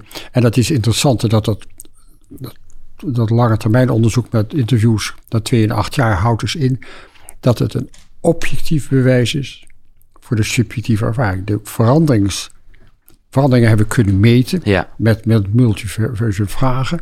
En dat betekent dat de veranderingen zijn een objectief bewijs voor de subjectieve ervaring. Want je kan de subjectieve ervaring niet bewijzen, maar Nee. de veranderingen wel. Ja. Ja, maar dit is, maar goed, dit is weer heel erg onderzoek, eh, geneuzel. Want ja, al is het alleen maar omdat die mensen denken of eh, ja, eh, in het slechtste geval verzinnen dat ze dat hebben gehad, is het natuurlijk logisch dat ze daardoor ook anders in het leven staan. toch? Nee, maar als je het verzint, sta je niet anders in het leven. Nee, dan verzinnen. Nee. Maar ik bedoel, het is, het is zo'n diepgaande ervaring die je leven op je kop zet. Ja, Het past niet in wat je hebt geleerd. Ik ken artsen die, zei- die zo'n ervaring hadden, die zeiden... wat ik nu heb meegemaakt, heb ik altijd gezegd, is onmogelijk. Je hele wereldbeeld wordt op zijn kop gezet. Dat ga je niet verzinnen. En de veranderingen ga je ook niet verzinnen. Dat maar de is- begrip voor de zin van het leven, ik, eh, zit nog eventjes naar dit tabelletje te kijken. Ja. De begrip voor de zin van het leven is na acht jaar, is er eigenlijk bij mensen zonder zo'n bijna doodervaring meer begrip. Ja, eigenlijk snap ik het ook wel, omdat ze gewoon... Maar dat is, je hebt je over 2% verschil. Maar dat, het- het- Nou, eh, van 57, het een is plus 57, de ander is plus 66. ja, maar dat is nou, nauwelijks statistisch significant. Nee, ja, precies, maar dat is toch bijna Maar, gek maar, dat daar... maar de rest waar Ja. we het over hebben, dat is statistisch significant. Ja. En het is het enige onderzoek wat ooit is gedaan, prospectieve studie. Ja, prospectief, dat moet ik nog even uitleggen. dat betekent dat je vooraf de elementen en dat je een gematchte controlegroep hebt en zelfs de leeftijd, geslacht en tijdsinterval. Mensen met en zonder bijna doodervaring om te kijken wat er verandert. Dat is nooit eerder gedaan, daarna ook nooit meer. Nee, waarom daarna nooit meer? Omdat het ontzettend veel tijd en geld Oké, kost. nee, dat is duidelijk. En, en ons onderzoek is nog steeds no funding at all geweest. Dus Nee. allemaal vrije tijd, avonduren, vakantie opnemen. Fantastisch. Met vrijwilligers die we allemaal opgeleid hebben. Ja. Ja. Wat is de zin van het leven eigenlijk? Nou, de zin van het leven is het nadenken erover. eh. en, eh, Ja, ja. en, die zin zoeken. En, en eh, de, de, de definitie van spiritualiteit is al, noem ik altijd de zoektocht naar zingeving door innerlijke ervaring. Ja, Door innerlijke ervaring. ja, Dus je, je kan het niet lezen in een boek, je moet het wel ervaren. ja. Mooi hè?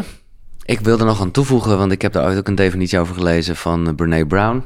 Die zei heel erg dat het ook het geloof is in iets, ja, grootser dan ons of zo. Weet je wel? Gewoon dat je gewoon eigenlijk akkoord gaat met een soort onverklaarbaar iets. Ja. Maar mensen met de bijna doodervaring geloven niet meer. Nee, in, de- in religie. Ja, of die weten. Die Oh, weten. Ja, daarom gaan ze ook niet meer naar de kerk. Ze zijn religieuzer. Religie is letterlijk Latijn voor herverbinden. Ja. Religie, religie is herverbinden. Ze zijn religieuzer. Maar ze geloven niet meer, ze weten. Ze weten wat ze hebben meegemaakt. Ze weten dat er een ruimer bewustzijn bestaat met onvoorwaardelijke liefde. En de toegang tot onvoorstelbare kennis en wijsheid. En u, gelooft u of weet u? Eh, ik zit tegen het weten aan, maar ik heb het nog niet zo innerlijk ervaren. Dus ik zit, ben in de buurt. Ja, ja, ja. Ik ben ver voorbij mijn geloof, denk ik. Ja. Ja, dat begrijp ik. Ehm, ik heb, eh, nou ja, ik zei eerder al, ik heb gezegd dat ik u te gast heb en ver- vervolgens kwamen er gelijk allemaal vragen binnen. Ik eh, neem er een aantal door. Oh. Uh, Hans, die heeft een, een, paar vragen, wel goede vragen. Is een bijna doodervaring of nabij doodervaring, maar whatever, een glitch in de hersenen of is er meer? Het heeft iets met de hersenen te maken, dat hebben we dus aangetoond. Hè? Dus uh, als de hersenen niet meer werken, dan heb je het moment van een verhelderd bewustzijn. Ja. Met mogelijkheid van waarneming buiten en boven je lichaam enzovoort. Ja. Klopt het dat je gehoor als laatste uitvalt als je doodgaat? Uh, de mensen die blind zijn, kunnen waarnemen, terwijl hun ogen afgeplakt zijn of dicht zijn. En de mensen horen niks, maar weten wat er wordt gezegd, ja. omdat ze de gedachten binnenkrijgen. Maar dit is dus mooi. Dus echt nog weer. He, dus, dus, je, dus voor je, kijken en denken heb je niet je lichaam nodig. Nee, het is het kijken noemt. Ken Ring heeft het mindsight genoemd. Maar je gaat nog anders werken. Wie ziet er? Je krijgt elektromagnetische informatie van beeld komt in je oogbol, op je retina. Elektromagnetische informatie gaat via de nervus opticus, de oogzenuw, naar je achterhoofdschwap. Dan heb je ook elektromagnetische informatieveranderingen. Maar wie ziet er? Exact. Dat is toch niet je hersenen? Dat is toch niet, dat is, Jij ziet zelf met je bewustzijn. Ja. En dat, dit is een instrument. Ja. En dan komen we heel erg in, in, En als het, het instrument niet meer is, dan zie je dus 360 graden. Of je neemt het waar, je ziet het, je neemt het waar. Detail en overzicht, 360 graden. Je weet wat er wordt gezegd. Je hoort het niet, maar je weet wat er wordt gezegd. Ja. En de laatste, maar we hebben het hier net een beetje gehad over, over de kwantumfysica. Kan Pim iets vertellen over astraal reizen? Nou, astraal reizen is een terminologie wat ik noem de uittreding. Ja. He, dus uittreding is dat je je lichaam uitgaat. En dat is bij, bij de doodervaring dus op het moment dat je hersenen niet meer functioneren. Maar er zijn ook 10% van met name jonge volwassenen in de overgang tussen slaap, tussen waak en slaap, soms ook uit het lichaam gaan en soms zichzelf in, in het, het, hoekje van de slaapkamer ze liggen in bed.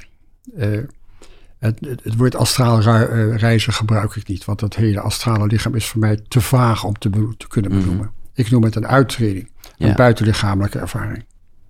Minstens zo vaag, maar het klinkt iets... Uh... Nou, het is, beschrijft wel wat het inhoudt. Ja, dat, is waar.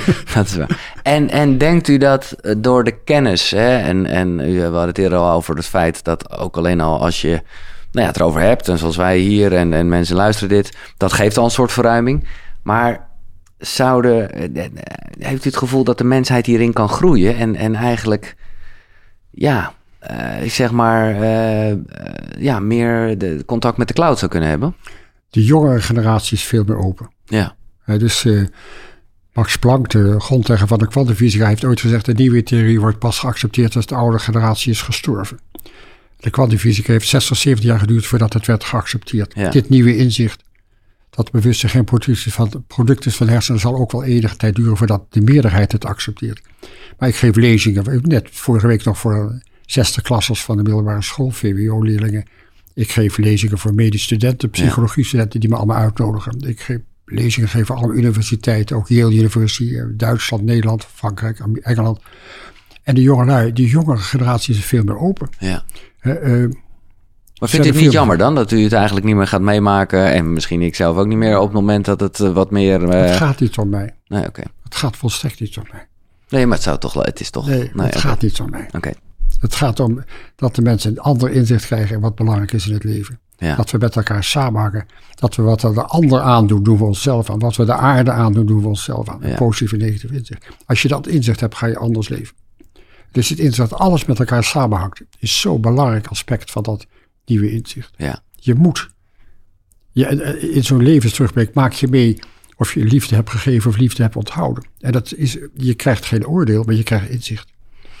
Hoe je hebt geleefd. En dat is ook de reden dat mensen anders gaan leven. Ja, omdat, ja, nou ja, lekker. nee, maar goed, dit is iets, met deze kennis ja. kunnen wij nu uh, ja. op dit moment al wat ja. in ons leven.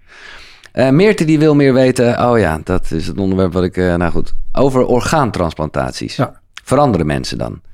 Het, het, het ik vind het altijd een lastig onderwerp, omdat ik gewoon, nou ja, hoe, hoe, bent u zelf donor? Nee. Nee, oh, dat is wel heel gedecideerd. Nee, ik wil mijn stervensproces niet laten beïnvloeden doordat er levende organen uit mijn lichaam worden gehaald. Op het moment dat mijn stervensproces is begonnen, hersendood is niet dood. Hersendood is het begin van het stervensproces wat uren tot dagen duurt. Uh, de wet spreekt over stoffelijk overschot dat je beademt, maar we weten allemaal dat je stoffelijk overschot kan niet beademen. We weten ook dat je uit de stoffelijk overschot geen levende organen kan halen. We weten ook dat... Dus vindt u het ook een beetje onmenselijk wat er gebeurt op dit moment? Weet je, ik geef geen oordeel. Nee, maar ik vraag ik, het wel. ik, beschrijf, ik beschrijf gewoon wat de feiten zijn. ja, En de voorlichting is volstrekt eenzijdig. En eh, helpt mensenlevens redden. Maar het gaat niet om naar je eigen sterven. Wat betekent na je dood? En ben je wel dood? Hè? Er Ja. zijn tien vrouwen bekend die zwanger waren en een hersenbloeding kregen en hersendood werden verklaard en aan de beademing en medicatie lagen voor weken. En een levend kind baarden. Een lijk kan geen levend kind. Dus als je hersendood bent verklaard, is het het begin van het sterfproces, maar ben je niet dood. Dan is 3% onherstelbaar beschadigd en 97% functioneert volledig normaal van je lichaam. Wat anders is, de vraag is hoe het met veranderingen is. ja dat, was was de vraag, vraag. eigenlijk. Ja, ja, heel goed. Dat heet dan transplanted memories. ja, Eh, dus dat is eventjes om het eh, feitelijk te maken. Ik krijg het hart van iemand anders en daardoor, Ja. eh, nou ja, ben ik ook een beetje, zit hier, ja. Ja. het is zo dat er zijn, eh, ik citeer ook de artikelen en boeken erover. Change of Heart is een boek van een vrouw uit Amerika. Maar goed, je kan het nalezen. Als de ervan uitgaan dat je hersenen en je lichaam een interfacefunctie hebben. Dat elk orgaan een interfacefunctie heeft. Dat elke cel een interfacefunctie heeft. Waarschijnlijk is dat het DNA. Daar schrijf ik ook een hoofdstuk over. Hè? Dus die, dus dan eh junk DNA waarschijnlijk een, een, een eh, interfacefunctie heeft. En als je een levend orgaan transporteert in een ander lichaam, dan is dat nog steeds een ontvanger van het bewustzijn van de overleden donor. Die dan wel overleden Ja, het is echt, nee, precies. en dan, en, dan, het- en dan zijn dus beschrijvingen be- bekend van mensen die andere gevoelens en emoties krijgen die ze daarvoor niet hadden. Nee. En dat betekent dat dat past bij het concept dat elke cel deelneemt aan het bewustzijn. Ik zeg ook altijd, als de eicel en de spermatozoor bij elkaar zijn gekomen, daar vier celdelingen, gaan de cellen zich veranderen in spiercel, hartcel, zenuwcel, huidcel enzovoort. De DNA-structuur Elk, blijft hetzelfde. Ja. Maar de functie van het DNA verandert door informatie van buiten.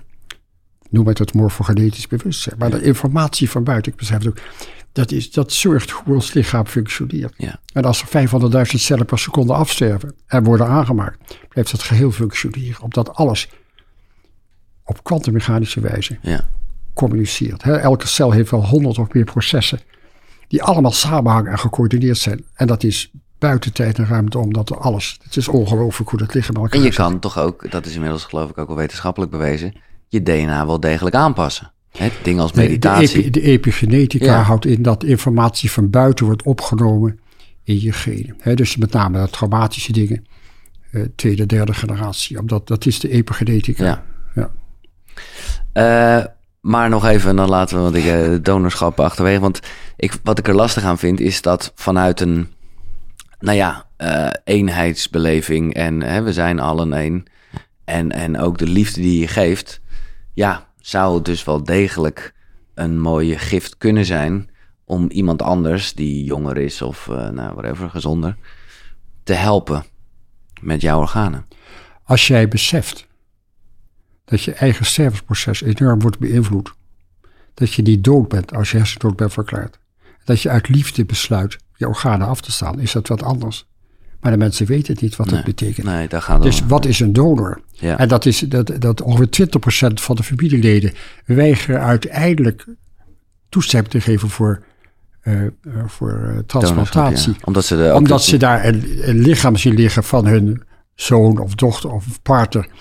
En alles functioneert, ziet er niet dood uit. En de dokter zegt ze zijn dood. Ja, Dat, dat geeft intuïtief het gevoel dat dit niet dood is. nee. En dan is het best bij de hand dat het tegenwoordig standaard is dat je het wel bent. Dat weet ik helemaal niet, want het wordt een gift genoemd. En als je het niet invult omdat je het Nederlands niet, eh, Ja. niet beheerst, dan ben je automatisch donor. Ja, dat bedoel ik. Dat is nogal Ja. wat. Dus. Anna Roos, wat is de visie op het leven na de dood? Eh, of u gelooft in meerdere levens? Weet je, als het bewustzijn eh, geen begin en geen einde heeft, dan heeft de kans, wat we dan reïncarnatie noemen, eh, zeer wel mogelijk. Er zijn onderzoeken geweest, Ian Stevenson heeft honderden, duizenden gevallen bestudeerd.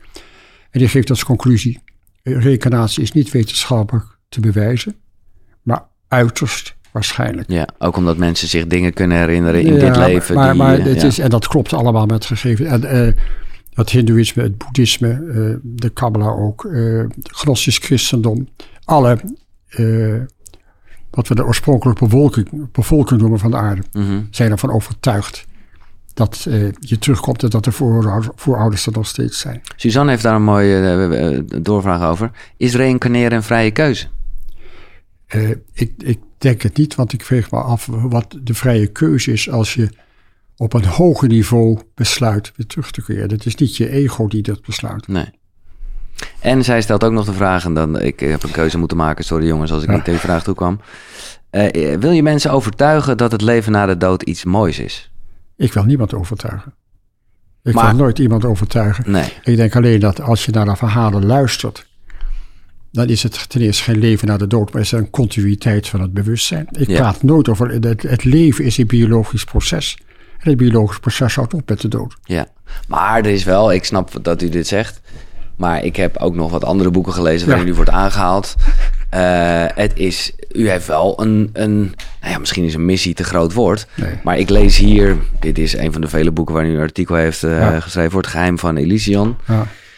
Daar, nou ja, ja, als ik dan kijk bij de samenvatting. Wat hebben we kunnen leren van de inzichten verkregen door wetenschappelijk onderzoek naar NDE's? Het besef dat wij alle met elkaar verbonden zijn en ook eeuwig met elkaar verbonden blijven. Dat elke gedachte invloed heeft op jezelf en op de ander. En dat na de lichamelijke dood ons bewustzijn, onze essentie, hoogstwaarschijnlijk blijft bestaan. Bewustzijn blijkt primair en dus eh, fundamenteel te zijn in het universum. En dan komt hij, dat, dat voelt toch wel als een soort missie. We moeten ons eigen bewustzijn veranderen om onze wereld te veranderen, om onze manier van leven te veranderen. Maar ook om als arts, als verpleegkundige te veranderen. Waarop, nou ja, eh, lang Ja. verhaal kort, daar voel ik wel een soort van drive om dit te blijven vertellen. Nou, weet je, de drive berust misschien op het feit van het inzicht dat we de wereld nu eh, aan het vernielen zijn. Ja, En, en dat je dat toch nog op, op dit moment misschien nog net kan voorkomen. Als we tien jaar wachten, zijn we te laat. Dus de drive is, is niet zozeer eh, iemand willen overtuigen, maar het bewustwordingsproces. Ja, nou ja. Dat alles wat je de ander aan de aarde aandoet, onherstelbare schade kan toedienen. Dat is voor mij de reden om het te benoemen. Maar ik zal nooit iemand proberen te nee hoor, dat overtuigen. begrijp ik. Maar het is wel, en dat, ik bedoel, ik ben blij dat u hier zit. U had ook gewoon eh, 79 jaar op een schommelstoel eh, eh, niks meer. eh, Daar heb ik nog geen tijd voor. Dat Nee, komt precies. later. Ja. nee, maar dat, dat, daar zit wel een, een, een Nou, het is, ik, heb, eh, ik ben vervroegd met pensioen gegaan toen ik 60 was. Omdat nadat eh, dat artikel in de Lancet werd gepubliceerd Ja. in 2001... had ik die 60, 70 uur werkweek als cardioloog. En toen kwam er 40, 50 uur bij. Als Voor, voor- en toen heb ik gezegd, ik, ik ga me alleen maar richten op bij de doodervaring. Dat Ja. is een fulltime job geworden. Ja. Ik bedoel, artikelen, boeken, van alles. Lezingen over de hele wereld. Machtig mooi. Ehm, ja, dan Podcasts en zo. podcast. Ja, nee, en video ook. Ik ben heel blij met... met Heb je hem met- gezien of niet? Nee, om eerlijk te zijn Ja, niet. je kan er op de website kan je hem gewoon aanklikken. Oké, Hij, hij staat pas sinds een half jaar op, op YouTube. oké. En dan is hij van 80.000 nu 160.000 keer gezien. Dus, en dat gaat opeens wel, weer- iedereen gaat Ja, ja, ja. Oh, nou, dat is Het is een mooi verhaal. Het is eh ja, heel indrukwekkend verhaal. Samen ooit met eh de Omroepstichting is het samen Ja, ja, gefinancierd ooit. pimvanlommel.nl, daar vind je het wel. De vraag is, eh, en dat is dan altijd normaaliter, wat ik al zei, komt dan nu de doodvraag. nou, die hebben we uitvoerig besproken, zou ik zeggen. Ehm, hoe wilt u herinnerd worden? Ja, daar zit ik eigenlijk niet mee. eh. Begrijp ik. Daar zit ik eigenlijk helemaal niet mee. Eh, Maar ik hoop u dat... zal herinnerd worden, dat is Ja. een feit. Ik hoop dat wat er eh, in boeken is geschreven, wat in YouTube-films staat, wat de interviews die ik heb gegeven, tv-programma's, dat er iets kan worden opgepikt voor de jongere generatie. Dat ze daar wat van kunnen meenemen en leren en daarmee hun eigen eh, levenswijze zullen aanpassen. Ja. Ja, mooi. En dat, dat, nou ja, dat is Het aan de gaat hand, niet, dat het weet u ook gaat al. niet om mij. Nee, dat zei u eerder al. En ik wist ook wel dat u dit opzetje ging maken. Maar tegelijkertijd ben ik ook dat u wel schetst dat hoe dan ook... heeft u een ontzettend nalatenschap en inzichten gegeven... en, en discussies aangewakkerd. En mensen ook vooral, en dat zal ook na deze aflevering weer gebeuren... en een eh, nou, een stukje herkenning gegeven eh, van... eh, Het is, mijn boek geeft vaak erkenning en herkenning. Ja. Er zijn heel veel mensen met bijna dood die mijn boek aan de dokter gaven van de psycholoog. En die zeiden hier, nou weet je, lees eens na om te begrijpen wat ik heb meegemaakt. Oké, gekke vraag misschien. Maar als u gewoon met uw vingers mocht knippen en antwoord eh, eh, mocht krijgen op een specifieke vraag. Wat zou die vraag dan zijn? Geen idee. Geen? Oh nee, nou ja. Oké, dan. dan Geen idee. Nou ja, ik zit zelf gewoon heel erg Ja. met, met wat is nou uiteindelijk de basis van ons bewustzijn? Dat is wel de vraag die. Ja, die. die Nou ja, de basis van het bewustzijn proberen ten eerste is geen definitie van bewustzijn. Nee. We kunnen het, ik beschrijf ook pagina's lang in mijn boek wat het allemaal onder bewustzijn kan verstaan. En aandacht en awareness enzovoort. Maar uiteindelijk ben ik nu tot de conclusie gekomen, en ik niet alleen, maar vele mensen met wetenschappelijke achtergrond, dat bewustzijn fundamenteel is. Dat het de basis is van het hele universum. Ja. En het fundament van het hele ja, universum. maar dan blijft de vraag: wordt er alleen maar belangrijker van, toch? Wat is de basis daarvan? Het is de basis. Het is de. Ja, Het is de basis. Ja, ja, ja. Er was niks voor bewustzijn. Nee. Was niks voor bewustzijn. Het is fundamenteel. Dat betekent dat het de basis is. Net als informatie en energie. Ja. Eindeloos bewustzijn. Een eer, eh, Pim, dat je hier aan tafel wilde zitten. En fantastisch wat je al gedaan hebt. En mooi dat je nog steeds. eh, nou ja. Nou, het was wel genoeg. En ik denk dat de jonge generatie ook veel meer podcasts luistert en filmpjes ziet dan dat ze een boek gaan lezen. Dat is de reden dat ik dat ook iets meer doe de laatste tijd. Ja. Omdat ik denk dat als je de jonge generatie wilt benaderen, het toch op die manier eh, Ja, ja, ja. is. En dus Al raad ik het ook wel aan, al is het alleen maar, en dat is misschien wel heel erg het onderzoek, maar gewoon even de tabelletjes zien. Ja, dat is bijna niet in. eh, ja, en de inhoud van de ervaringen. ja. Als je eh, de verhalen leest van de mensen die wat ze hebben meegemaakt, is toch ongelooflijk. Nou, waarom? Oké, dit had ik, eh, maar dat is gewoon een beetje off the record vraagje. Maar er is een eerdere druk geweest waarin een zekere Monique. Ja, Henneken. Ja, ja. Ja. ja, die heeft het eruit gehaald, want die wilde een eigen boek uitgeven. maar dat kan toch en en? Ja, zij wilde het eruit halen en dat eigen boek heeft ze ook nooit ges- eh, Oh. gepubliceerd. En ze is sinds tien jaar eh, buiten mijn volledig zicht. Volgens mij zit ze een Caribisch eiland ergens. Maar, maar, maar eh, Zij bent, u verplicht om dat eruit te halen? Ja, dat, dat heeft ze geëist. Ja. En wat was haar verhaal dan? Ze had een positieve en negatieve bijna doodervaring. Heel uitgebreid op mijn verzoek helemaal beschreven.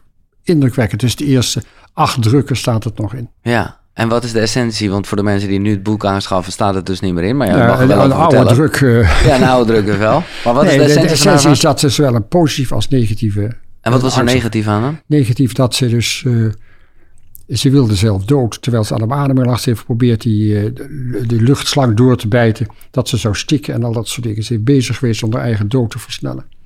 En toen heeft ze een hele angstwekkende ervaring gehad. Oké.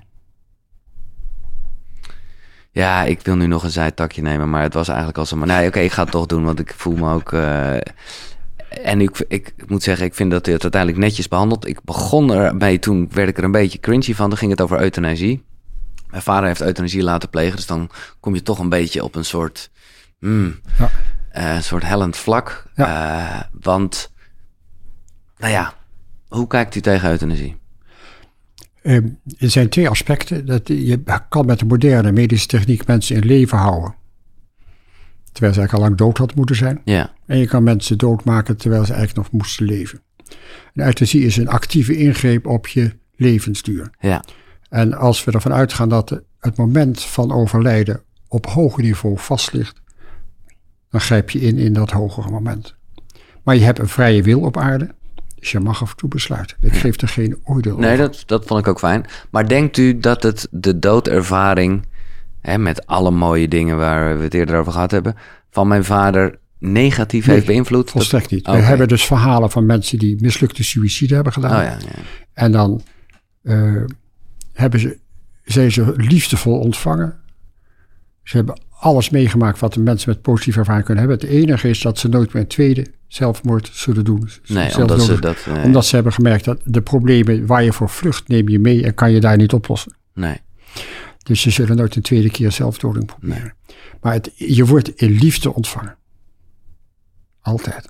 Nou, dat vind ik fijn om dat nog even... eh, Ook voor je vader. Ja, precies. Dat is toch fijn om mee af te sluiten. En voor andere mensen met ervaring. Nogmaals, Pim, ontzettend bedankt. Graag En, eh, jij bedankt voor het luisteren en kijken. Ik hoop dat het allemaal niet eh, te zwaar was, maar het is natuurlijk een machtig mooi onderwerp. Eh, reacties hierover.